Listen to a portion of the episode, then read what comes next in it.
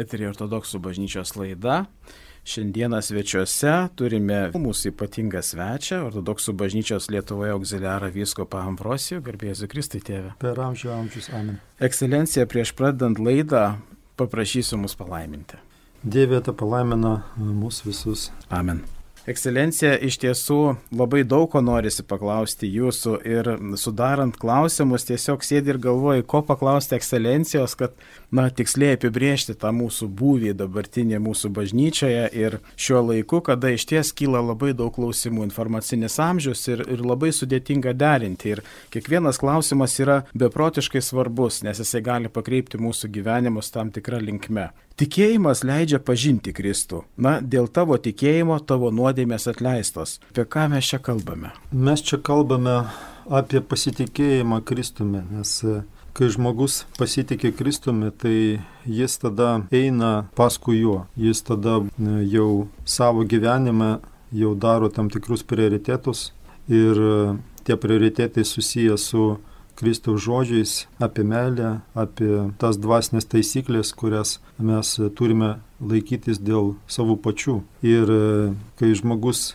pasitikė Kristumi, tai jis tada eidamas jau Dievo įsako keliu, tada ir gauna ir Dievo malonę, ir e, jis darosi laisvas nuo įstrų, jis tada turi tą jau džiaugsmą kuris susijęs būtent su krikščionių laisvų gyvenimo būdu, turiu minį nuo nuodėmės.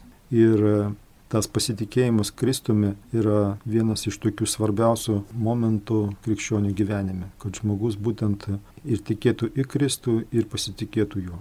Ekscelencija, mes žinome ortodoksų bažnyčios tėvų dvasinius klodus, iš tiesų yra labai, labai išaiškinta viskas, labai išmastyta, išgyventa, praktiškai išgyventa. Ar be šio paveldo žmogus negali atskleisti visos krikščionybės grožio? Čia panašiai, kad žmogus gali, aišku, ir pats pėsčiom nueiti, pavyzdžiui, iki Klaipėdos. Arba dar toliau, kur reikia eiti 40 metų. Nu, pavyzdžiui, Jeruzalė. Ir buvo tokių žmonių, kurie tai bandė daryti, bet jie labai praėjo sunku, sunkiu kelią. Kai kurie net e, nenuėjo iki ten. Ir be abejo, tie žmonės, kurie jau savo gyvenime irgi pasitikėjo Kristumi, ir stengiasi, ne tik stengiasi, bet jiem ir pavyko nueiti tuo keliu iki Jeruzalės, kur yra danguje. Tai ir ačiū Dievui, kad e, liko tam tikri jų jau nurodymai ir patarimai, kuriuos jie padarė dėl savo meilės žmonėms. O kai kada ir pagal Dievo palaiminimą,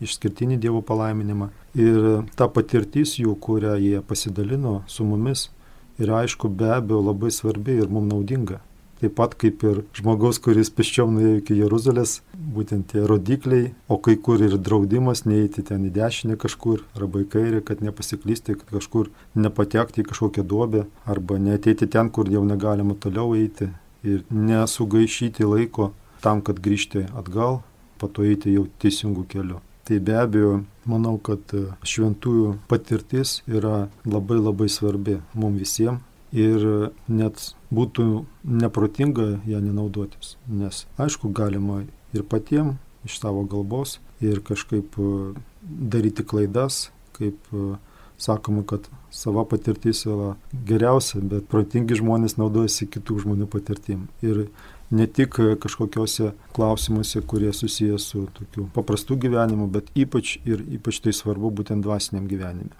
Nes kaip kam sugalvoti iš naujo dviratį, jeigu žmonės jau jį sugalvojo ir jau net su to dviračiu važiavo ir nuvažiavo, tai kam tada nenaudoti to dviračio arba sėdėti kaip jį sugalvoti. Be to dar pridurčiau ir tai, kad e, žmonės, kurie ėjo to keliu, turiu mini Kristaus keliu ir e, kurie padarė nemažai tame kelyje, jų širdis tapo švarus. Ir ta švaruma jų širdžių padėjo jiem ir suprasti ir save, ir suprasti teisingai, kaip kavoti su aistrom ir duoti teisingus patarimus ir kitiems. Yra, aišku, žmonių, kaip ir yra trenerių įvairiuose sporto kryptyse, kurie, pavyzdžiui, patys moka kažką daryti, bet kitų išmokti negali, arba nemoka, arba jiem tai neduota. O, aišku, yra tokių, kurie ir moka, ir gali, ir padarė patys. Tai jų patirtis ir jų patarimai yra ypač svarbus, manau. Bažnyčia yra Kristaus kūnas ir, na, mano gyvenimas keičiasi siekiant šventumą. Iš tiesų, aš daug ir atsisakau ir, ir jį pakeičiu ir pritaikau prie šio gyvenimo. Na, prie šio tempo. Ir visuomet kyla tas klausimas, manau, ir klausytojai ne vienam, kaip Kristus kiekvieną šaukia, suprantu, jog individualiai, bet, na, kaip nepražiopsoti to pakvietimo į šventumą, kelią į amžinybę. Aišku, taip, jūs teisingai sakot, kad labai individualiai tai vyksta ir įvairiai, ir įvairio, įvairiam amžiuje. Mes net ir Evangeliją apie tai skaitom, kad yra darbininkų, kurios e, šeimininkas pasamdė ir iš pat ryto ir dieną ir vakare ir mes žinom šventųjų tėvų aiškinimą šios vietos, kad e, tai yra įvairūs e, laikotarpiai gyvenimo, kad kažką vaikystėje, kažką jau jaunystėje, kažką jau ir senatvėje Kristus e, kviečia pasakyti. Bet kaip jie išgirdo tie darbininkai. Ne? Jie išgirdo būtent to šeimininko žodį. Šeimininkas, čia sakyčiau, Kristus pakvietė, bet e, kaip mums išgirsta žodį. Tai pradžiai reikia bent jau paklausti save, o kur aš jį galėčiau išgirsti tą žodį. Ir be abejo, jeigu mąstyti logiškai, tai ir turėti omeny bent jau nesakau, kad kaip tikėti, bet bent jau turėti omeny, kad e, mūsų Dievas Kristus, e, tai tada reikėtų kažkaip nors Evangeliją perskaityti, teisingai, bent, jau, bent jau leisti savo, nors atidaryti savo klausą, ne, nors atsidurti toje vietoje arba prie ten, kur sakomi tie žodžiai, kad juos išgirsti ir suprasti ir galbūt net reaguoti teks arba kažkaip Dievas duos tą palaiminimą. Tai todėl be abejo žmogui svarbu skaityti Evangeliją, sužinoti Kristų, nors jį pamatyti Evangeliją žodžiuose. Taip pat ir bažnyčiui, kai žmogus ateina į bažnyčią, tai ten jis girdi ir e, šventą raštą, ten jis girdi ir mato sakramentus, e, kaip kiti žmonės prieina tų sakramentų, o jeigu jis ir pats e, jau pradeda po truputį eiti tuo keliu, tai jis jau ir širdim tada jaučia Dievo malonę ir tada jau jaučia, kad Dievas jį kviečia per tai. Be to, žmogus gali ateiti pas Dievą ir atsistumęs nuo dugno. Taip ir, irgi būna. Kai žmogus e, gyvenime išrenka tam tikrus prioritetus ir gyvenimo būdą, kurio jis gali pasiekti tų e, tikslų, nesusijusi su Dievu, su amžinojo gyvenimu, bet e, dažnai žmogus tam tikram jau gyvenimo etape supranta, kad tai tikrai buvo ne tai kad čia tie tikslai buvo ne tie ir kad e, jis nejaučia nei džiaugsmo, nei pasitenkinimo net jau ir e, materialinėme gyvenime, malonumuose, kur, kuriuos jis ten patyrė įvairiai e, šiame gyvenime. Ir kai jis tai supranta, pats tampa liudytojų tų žodžių, kad siela gali būti, turėti džiaugsmą tik tai jau, kai Dievo malonė paliečia širdį ir sielą tai tada žmogus jau supratęs, kad šiame gyvenime jis e, tikrai negali gauti to džiaugsmo, tai jis tada bando galvoti apie džiaugsmą, kuri, apie kurį kalbama, jau kalba krikščionis. Be to yra irgi toks variantas ir tam tikri šventieji net apie save rašė savo autobiografijose, kad e, būdami labai protingai žmonėm ir kurie mokėsi net nemažai gavo gerą išsilavinimą, bet užduodavo savo klausimą, o ką aš galiu paimti su savim? Ką aš galiu paimti su savim? Ar aš galiu paimti net tas žinias, kurias aš gavau šiame pasaulyje, jau nekalbant apie kažkada ar apie tai, dėl ko mums siūloma labai daug ir ilgai dirbti, kad džiaugtis tam tikrais daiktais arba dar kažkuo, bet mes su savim į karstą negalim tai padėti ir, ir negalim kitame pasaulyje, turiuomenį po mirties, tai nu, tuo naudotis. Ir kai žmogus net logiškai gali prieiti prie šios išvados, kad, kad reikia kažkaip savo laiką, kurio netaip daug gyvenime yra, naudoti tikrai ne kaupimui kažkokių materialinių jau džiaugsmų, kaip sakant, arba daiktų, o būtent koncentruotis, e, tenktis gauti nuo Dievo tai, ką mes galėsim paimti su savim ir kuo mes galėsim gyventi po, po mirties. Ir irgi ta loginė išvada gaunasi, kad e, tik tai tai mes galim su savim paimti, kas liečia tikrai ne kūną, nes kūnas liks žemėje. Tai reiškia, tai susijęs su mūsų jau mūsų sielos savim, širdies savybėm.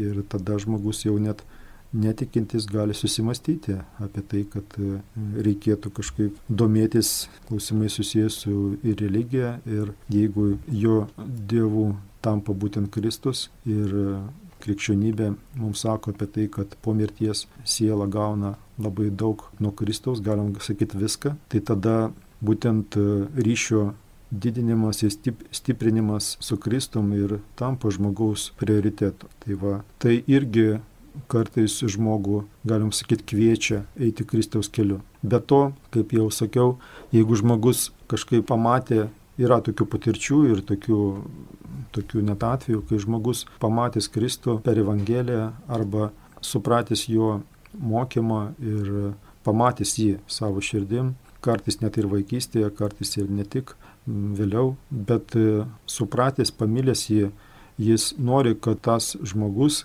ir Dievas būtų jo jau Dievu. Ne, ir jis nori būti panašių į jį ir jau eiti būtent jo žodžių keliu. Ir ta vat, reakcija žmogaus į Kristaus meilę, tai gali būti irgi tokių šaukimų, kai žmogus supranta, kiek Kristus padarė mum ir ta jo toks, vat, nu, ta būtent reakcija teisingai būtų pasakyti į tai, irgi kartais tampa tuo kvietimu eiti paskui Kristų.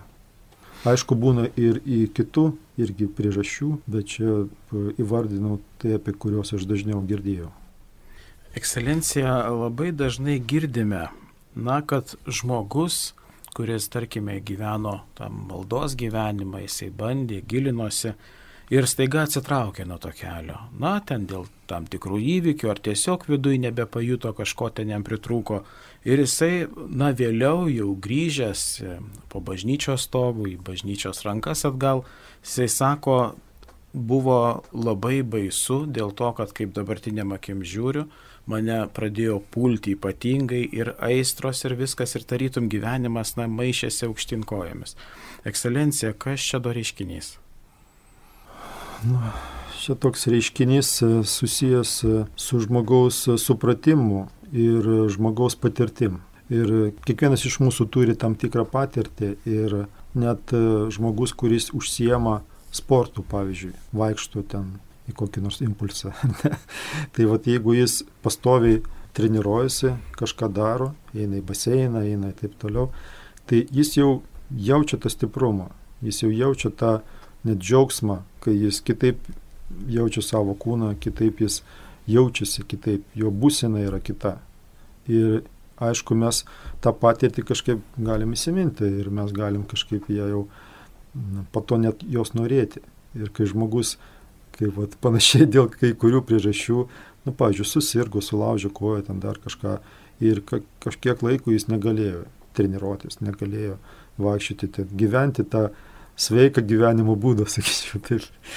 Ir jis net po to nori to, nes jis supranta, kad tai jam buvo geriau, jis geriau jautėsi, realiai jam buvo geriau, jis save, jauti save žmogum, kaip sako kartais. Tai jeigu mes kalbam e, ir jaučiam tai e, su savo kūnu, tai be abejo tai liečia ir, ir sielos, ir širdies, ir žmogus, kuris irgi eina maldos keliu, eina, gyvena pagal tam tikrą savo sudarytą tvarkaraštį susijęs su malda, su, su skaitimu, šventų tėvų skaitimu, su, su lankymu bažnyčios ir jis irgi užsiemo savo sielą, ne, gyveno sveiką, e, ne kūno gyvenimo būdą, ne, o sielos, sveiką, svei, sielos gyvenimo būdą. Tuo labiau tai daro reguliariai, ar ne taip, vat, ne taip, kad kartą per mėnesį ar per metus, o būtent reguliariai, pastoviai. Ir jis jaučia, jaučia, kad jo būsena yra geresnė, jis net nori, kad jo būsena tą testusi, kad ji būtų tokia. Ir kai jis dvasiškai irgi sulaužia koją ar dar kažką padaro, arba ten e, kažkaip pradeda gyventi jau kitą gyvenimo būdą, tai po to, aišku, jo prisiminimai apie savo gerą savijautą, dvasinę savijautą lieka ir jis gerai, kad jis net žino, kaip vėl grįžti į tą savijautą. Na, kaip jau vėl pradėti treniruotis, aišku, jis ten negali, kaip ir e, fiziniuose pratimuose iškart vėl e, pradėti bėgioti ten, nes gali nuo infarkto mirti ar ne, bet kažkaip vat, e, supranta, kad jam reikia patruputį, patruputį, bet vėl grįžti į tą kelią ir, ir bus viskas vėl gerai ir jis vėl, vėl turės tą būsiną, dėl kurios, kurią jis prarado ir kurią jis nori turėti. Ir šiame gyvenime ir galbūt ir po mirties irgi. Nes ir tas tos būsenos jau toks įsitvirtinimas žmogui yra labai toks svarbus, svarbus tikslas ir svarbus rezultatas dvasinio gyvenimo, kai žmogus jau nenori išeiti iš tos būsenos, jam būtent tai yra priimtina ir jis būtent tada save jaučia žmogum, o ne gyvūnu ar dar kažkuo. E, ortodoksų bažnyčios senoliai mus moko praktiškumo ir ta prasme, jog praktiškumo tikėjime, tos praktikos keisti save. Ir mes labai dažnai susidurėm, klausytojai dažnai klausia, Sako, o kaip čia nepasiklysti tarp jų, nes kaip kurių ortodoksų bažnyčia ir neaprobuoja. Jie realiai negalėtų kalbėti ortodoksų bažnyčios vardu. Ekscelencija, kaip čia mums nepasiklysti ir kokiu būdu pasitikrinti. Na taip, aš suprantu, kad dabar paplytęs e, YouTube'as, mes turim YouTube, turim kitas, e, kitus socialinius tinklus Ir e, dažnai žmonės sako savo nuomonę tam tikrais dvasiniais klausimais, iš gerių pobūdžių be abejo. Tai, bet kartais tai susiję ir su jo aistrom. Tai irgi yra tokia problema, kad žmogus, pavyzdžiui, mano, kad jam yra ką pasakyti ir tikrai ne dėl to, kad jį pakvietė į Marijos radiją, jis pats kažkaip vat, pradėjo galvoti, kad jis jau subrendęs. Tik reikia klausyti.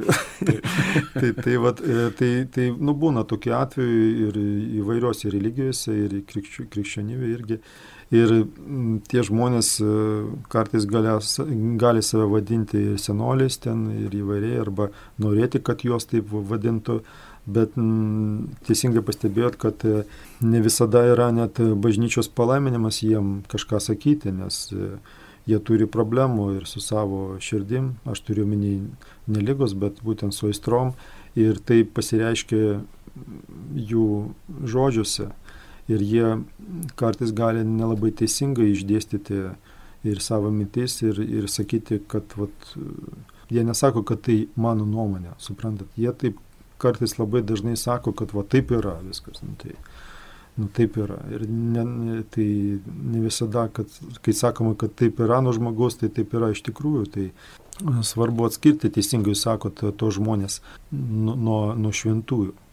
Patarčiau tada ir mūsų klausytojams, ir, ir visiems krikščionėms naudotis būtent šventųjų patirtimi, o ne tam tikrų žmonių nuomonių patirtimi. Arba jų, vat, aišku, yra tam tikrų misionierių, kurie kartais sako neblogų dalykų ir jie na, dalinasi ir savo patirtim, na, bet geriausiai, kai jų žodžiai yra patvirtinti ir šventųjų raštų, ir ne tik rašto, bet ir jo aiškinimų nuo šventųjų. Nes ir šventą raštą kartais galim panaudoti net nuodėmių patvirtinimui, kad taip galima daryti ir net reikia daryti. Tai ir, ir tokių atvejų net yra. Todėl tie žmonės, kurie kalba daug internete, tai reikia irgi jausti, ką jie sako ir kaip atskirti, ar ne. Tai žmogus, vat, būtent, kuris gyvena pagal įsakus ir stengiasi eiti Kristaus keliu ir kuris pats skaito nemažai šventų tėvų, tai jis gali pajusti net tą tokį trupučiuką nešvarumą tų minčių arba tokį netikslumą arba, arba labai E, maks, maksimalizmą kažkokį tokį, žinot, e, tokį, vat, kad vat, arba juoda, arba balta, ten vat, kitaip nėra. Tai, vat. Irgi tai galima pajusti tikrai. Todėl patarčiau, patarčiau skaityti daugiau šventųjų tėvų ir e, YouTube irgi yra, kai žmonės arba skaito, arba daro tokį apibendrinimą šventųjų tėvų mokymo. Pasaulyje yra daug vienuolynų ortodoksų vienuolynų yra Atono kalnas, mes turime ir Balamas ir, ir panašiai labai daug. Žmonės dažnai klausia, kaip čia melstis kartu, kaip pajusti tą jų maldą, kaip susijungti maldoje ir labai tas yra paplitęs toksai pasakymas skambėti Kristumi, reiškia, na, būti viename kažkokiu tai būdu, kad ir, na, mūsų vienuolių maldos ir mane paliestų. Tai be abejo, e, vienuolių maldos liečia visus žmonės, už kuriuos jie melžiasi. Ir net kai mes nejaučiam to, tai vis tiek tos maldos liečia mus. Sakoma, kad e, jeigu nebūtų žmonių, kurie melžiasi už pasaulį, tai ir to pasaulio jau seniai nebūtų.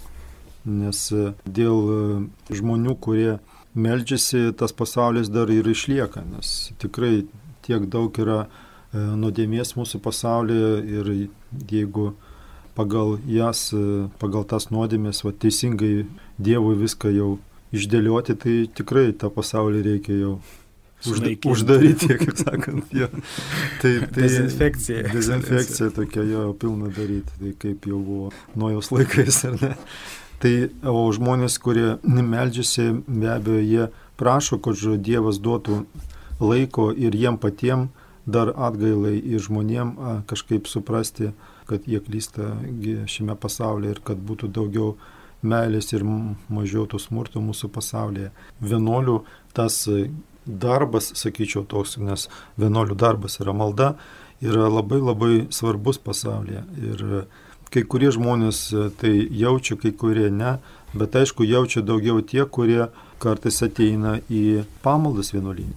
Čia yra natūralu, nes be abejo skiriasi pamaldos, kurios vyksta vienuolinė ir vyksta tam tikroje parapijoje, net geroj parapijoje, nes pamaldos vienuolinė jau ilgesnės ir e, jau žmonės niekur neskuba, jau atėjo vienuolyną, jau eina savo to vienuoliškų kelių ir jie jau pamaldas yra jau sudarytos taip, kad e, vienuoliai galėtų ten jau melstis ir tada jos pilnesnės, ilgesnės ir e, čia toks pirmas momentas.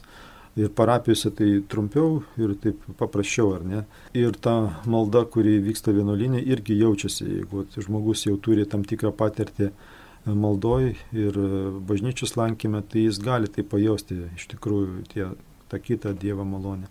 Be to irgi vienuoliai be abejo, kurie jau viską paliko dėl Kristaus ir, ir turi jau daugiau to ir galimybių iš vienos pusės, bet ir kad Dievas būtent jos girdėtų pirmus ir iš vis jos klausytų. O dėl ko? Dėl, dėl to, kad jie viską paliko. Tik Kristus jų gyvenime yra, tai jie kaip ne juos jau girdėti Kristui. Čia pirma. Antra, jeigu jie gyvena pagal Evangelijos jau įsakos, tai tada irgi tai atsižvelgiama. Nes kaip ir darbe viršininkas žiūri į savo pavaldinius ir vieni stengiasi, kiti nelabai, treti iš vis ten nežino, koks vardas to viršininko, tai, tai tada jau kažkaip ir atsižvelgia viršininkas į, į tai, kas kaip gyvena, kas kaip dirba, kas kaip į tą darbą ateina, ar dirba iš vis. Todėl jau to žmonės, kurie tikrai stengiasi ir tokie daro viską dėl to darbo, ar ne, tai jau tada viršininkas daugiau ir klauso, ten galima, gali net priimti atskirai. Tai todėl, aišku, ta vienuolių malda yra labai labai svarbi mūsų pasaulyje ir ačiū Dievui, kad dar mes turim galimybę tam tikrose vienuolinėse ir pamatyti vienuolius ir teko su jais bendrauti ir pačiam tapti, ačiū Dievui. Tai kad tapti jau tikrų vienuolių, tai čia irgi labai ilgas, ilgas kelias, kurį reikia praeiti ir tas pasiryžimas būtent gyventi pagal Kristaus įsakymus ir, ir turėti E, būtent Kristų, kad jis padėtų mums ir būtų visko mūsų gyvenime, tai jau duoda tą jau galimybę, kad e, Kristus mūsų didysis viršininkas mūsų išgirsta. Labai dažnas yra susidūrimas žmonių su mirtimi. Iš tiesų, tai yra neatsiejama gyvenimo dalis, bet šitoj visuomeniai, kada tarytum vengiama kalbėti apie mirtį, kad jau gink Dievė apie ją net nekalbėti ir jos apskritai vengti. Mes matome ir laidojimo procedūrą pasikeitusi, bandoma kuo daugiau kremuoti, kad tik skausmo nesukelti. Ekscelencija, ar iš tiesų teisingas kelias vengti, matyti tai, kas tavęs iš tiesų laukia? Na ir tas susimastymas pats mes matome laidotuvių metu, visi žmonės būnantis, na jie susimasto tam trumpam laikotarpiai Na, o vėliau vėl tas gyvenimas į savo vėžes ir laukiama kitos mirties, kol vėl tas susimastymas ateina. Yra tokių nuomonių, kad nereikia nei vaikam rodyti, kaip miršta jų tėvai arba seneliai, kad vas, sakoma kažkur išvažiavo, išėjo, bet mes susitiksim vėliau, taip sakoma kartais, kad netraumuoti ten vaiko psichiką ir dar kažkaip randama kitų priežasčių. Bet manau, kad kiekvieno žmogaus mirtis tai ne tik svarbus įvykis jo gyvenime bet čia ir labai svarbus įvykis ir jo pažįstamų gyvenime, ir tuo labiau giminaičių gyvenime. Nes e, Dievas vienu metu pasiekia daug tikslų, kai daro kažką, ne? Ir kai miršta tam tikras žmogus, tai keičiasi ir jo gyvenimas, jis perina jau ne, į mirusiųjų pasaulį, bet ir žmonės be abejo turi galimybę susimastyti. Ypač būna atveju, kai tu su žmogum vakar tik tai gėrė arbatą arba kalbėjai per Marijos radiją, o po to sužinai, kad e, žmogaus jau nėra šiame pasaulyje. Tai, tai labai labai, aišku, kiekvieną žmogų taip duoda galimybę susimastyti. Jeigu tai mūsų tėvai ir mūsų giminaičiai arba vat, labai geri pažįstami, e, draugai, tai mes e, be to, aišku, jaučiam ir tokį prisirišimą prie jų, ir meilę kartais, ir norim kažkaip meilę išreikšti. Ir tą galimybę turim, ačiū Dievui, krikščionių bažnyčiui, išreikšti tą meilę per maldą už mirusiosius.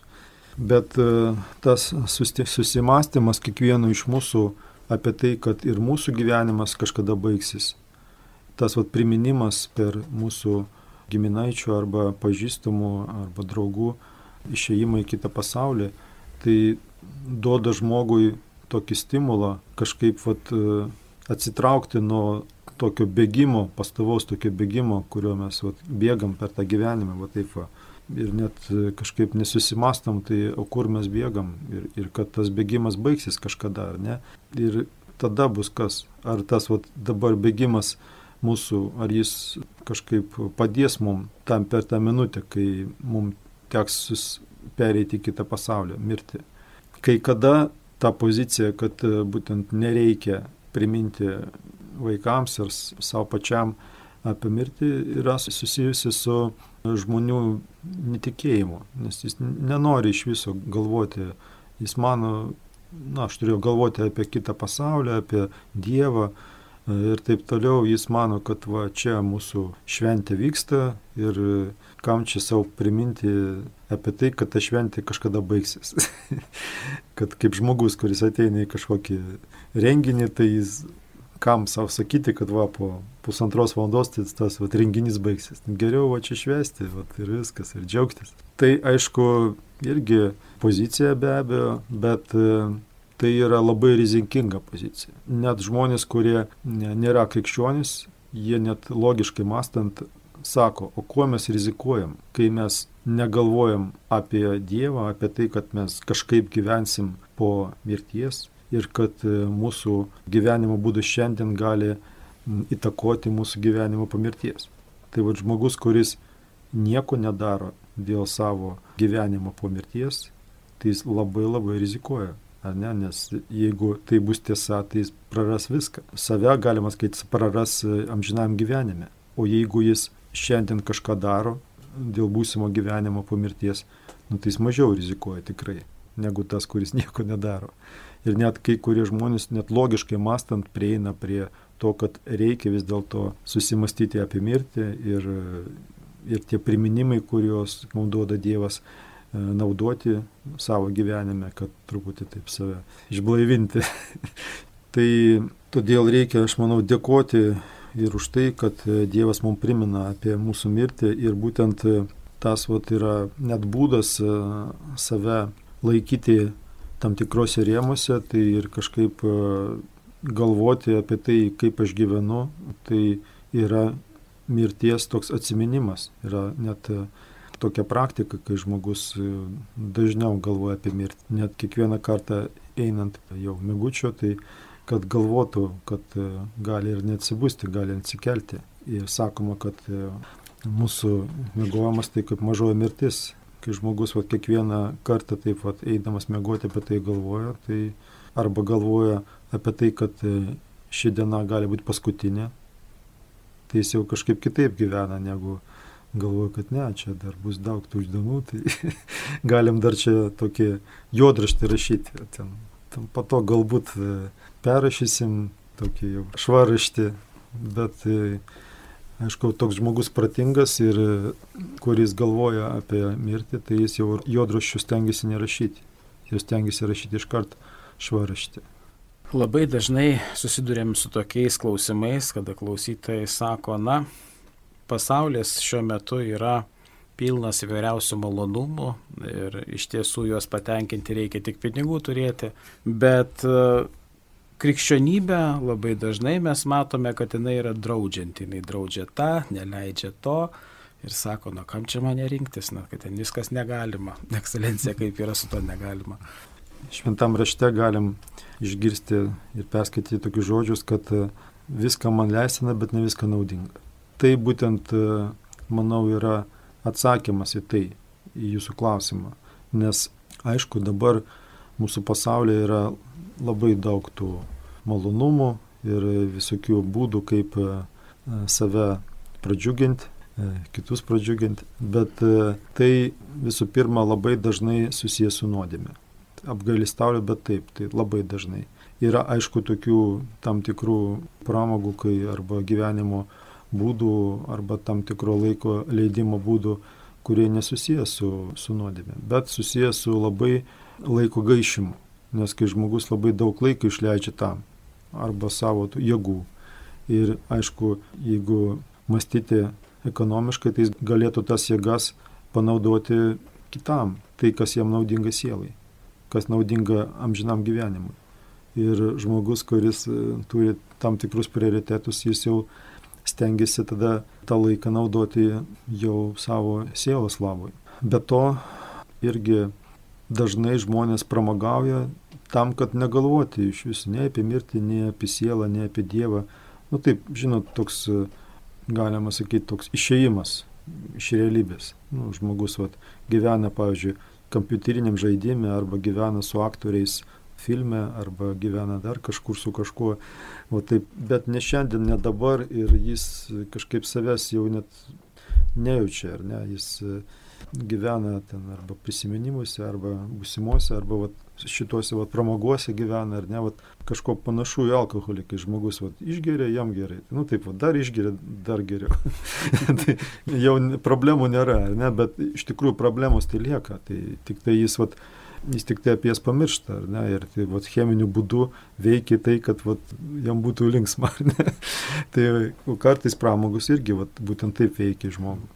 O dėl to galima, negalima, tai ir apie tą, ką jūs sakot, vat, laisvės neturėjimą, tai irgi mes jau, man atrodo, praeitį laidoje apie tai kalbėjom, kad ta laisvė tokia savoka labai įvairiai suprantama. Ir žmogus, kuris laisvę supranta kaip laisvę nuo įstrų, tai, tai tada jis tengiasi būtent taip tapti laisvesniu, būtent taip tapti laisvu, ar ne? Ir tada kai jis jaučia jau tą laisvę, tikrą laisvę, tai tas ir džiaugsmas ateina be pramogų jau tikras. Bet to krikščionys, kurie melčiasi ir jaučia Dievo malonę, tai jie tą džiaugsmą turi ir dėl to dar irgi.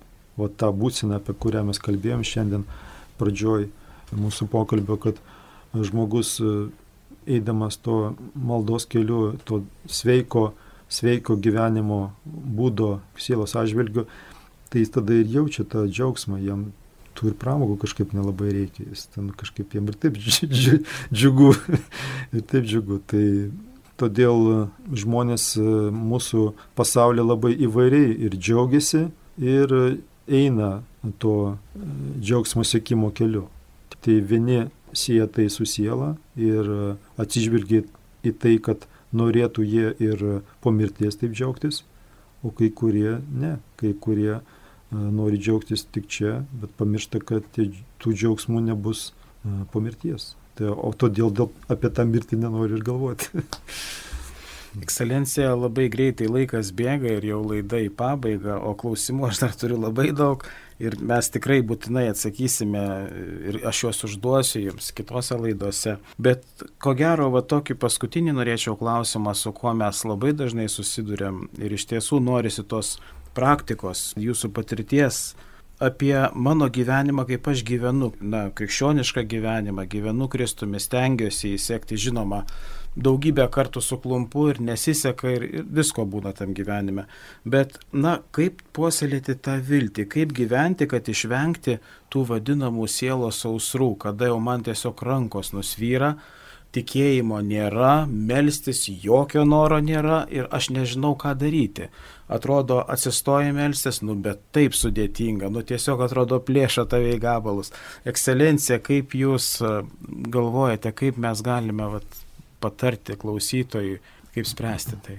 Aš tai palyginčiau krikščionį, kuris e, gyvena tokiu gyvenimu, krikščionišku gyvenimu, su, su sportininku arba su kareiviu, kuris nuolat treniruojasi. Jis nuolat treniruojasi ir tas treningas yra jo susijęs su to, kaip ir sakiau, kad jo siela būtų stipri. Ir kai žmogus vat, pastovi daro tos pratimus, ar ne, dvasinius pratimus, tai yra skaitimas, malda, buvimas bažnyčioje per pamaldas, ėjimas ir komunijos, ėjimas atgaila, aišku, sakramentai. Tai žmogus, kai eina tuo keliu ir tai va, treniruojasi, tai jis tampa stipresniu. Ir kaip jau ir kareivis kartais e, iškviečia kažkur iš kokių užduotį, ar ne, jeigu jis va, treniruojasi pastoviai, tai jis gali tą užduotį atlikti, ar ne, tai jis gali va, būtent kai bus sunku padaryti tai, ką jam yra pasakyta. Ir kaip ir sportininkas, ne, jis treniruojasi, bet kai jam reikia bėgti kažkur, nu, ten, aš turiu marafoną kažkokį arba ten šimtą metrų, tai jis tada ir prabėga gerai. Ir treniruotės tos ir leidžia mums sustiprinti sielą ir kai reikia, kai ateina ta sausuma, tai naudoti ir mūsų tą praktiką, kurią mes turim ir likti ištikimam jau ir Dievui, ir Kristui. Ir tai tada padeda būtent tas vat, nuolatinis toks vat, gyvenimo būdo laikymas. Be to ir būna ir su draugais, mes žinom, kad mūsų draugai ne visada skiria mums dėmesio, kiek mes norėtume, esą šalia mūsų, arti, mes turim kažkokį džiaugsmą, bendravimo džiaugsmą su jais. Kartais jie turi kitų reikalų, ar ne, ir vat, kažkur išeina, arba nu, ten bendrausi kitais žmonėm, ar darbo turi dar kažką. Mes norim su jais vis tiek bendrauti, laukiam to bendravimo, ar ne, mes jau nesakom jiem viskas, aš ten su tavim nedraugauju, ar ne, ten daugiau nenoriu su tavim kalbėti. Tai mūsų pat didžiausias draugas, aišku, yra Kristus, tai kuris, kai va, taip pat, galima sakyti, išeina iš mūsų gyvenimo arba taip atsitosta, tai tikrai ne dėl to, kad turi kitų reikalų, ar ne, bet tam, kad, kad mes būtent patvirtintume mūsų ištikimumą jam. Tai yra svarbu. Ir Kristus žiūri į mus kaip viename iš šventųjų gyvenimo, man atrodo, šventas Antonijus, kuris gyvena ketvirtam amžiui, kai jis kovojo su velnio tarnais ir po to jis pasakė, tai Kristau, kur tu buvai, aš gyva, čia vos gyvas gyv, likau. Nu, kodėl tu kažkur vat, išėjai, ar ne, kodėl vat, man buvo taip sunku, vat, ir ta sausuma buvo, ir, ir ta kova buvo sunki. Kristus jam sakė, aš žiūrėjau į tave tuo metu. Tave tada žiūrėjau. Vat, koks bus tavo elgesys? Ar tu vat, tikras esi mano na, tarnas ar ne. Tai aišku ir Kristus, e, kai ir taip pat atsitosta, tai būtent su tokiu tikslu, kad mes galėtume laisvai išreikšti savo meilę jam ir likti ištikimais jam. Tai va, ir, ir gauti tam tikrą rezultatą, dvasinį rezultatą dėl to. Ačiū labai, ekscelencija, kad savo apsilankimu laiminat mūsų laidą, laiminat mūsų klausytojus. Labai gaila, bet laida baigėsi, klausimų dar liko daug, tai būtinai jas mes juos jums užduosime. Ir norisi tik pasakyti, kaip visada, jog, na, melskimės vieni už kitus, dėkojime, kad esame kartu. Ir kaip sakė ekscelencija, labai svarbu nepamiršti viso to, ko mes mokomės. Tai yra svarbiausia. Ir Laidą vedžiau Šegidijus Tankievičius, šiandieną pas mus buvo laidoje ortodoksų bažnyčios Lietuvoje auxiliaras Vyskupas Ambrosijus ir laidai baigiantis ekscelenciją paprašysiu palaiminti dar kartą. Tai te palaimina Dievas e, jūs visus ir dėkoju uždėmesi ir prašau visų maldų. Ačiū už dėmesį.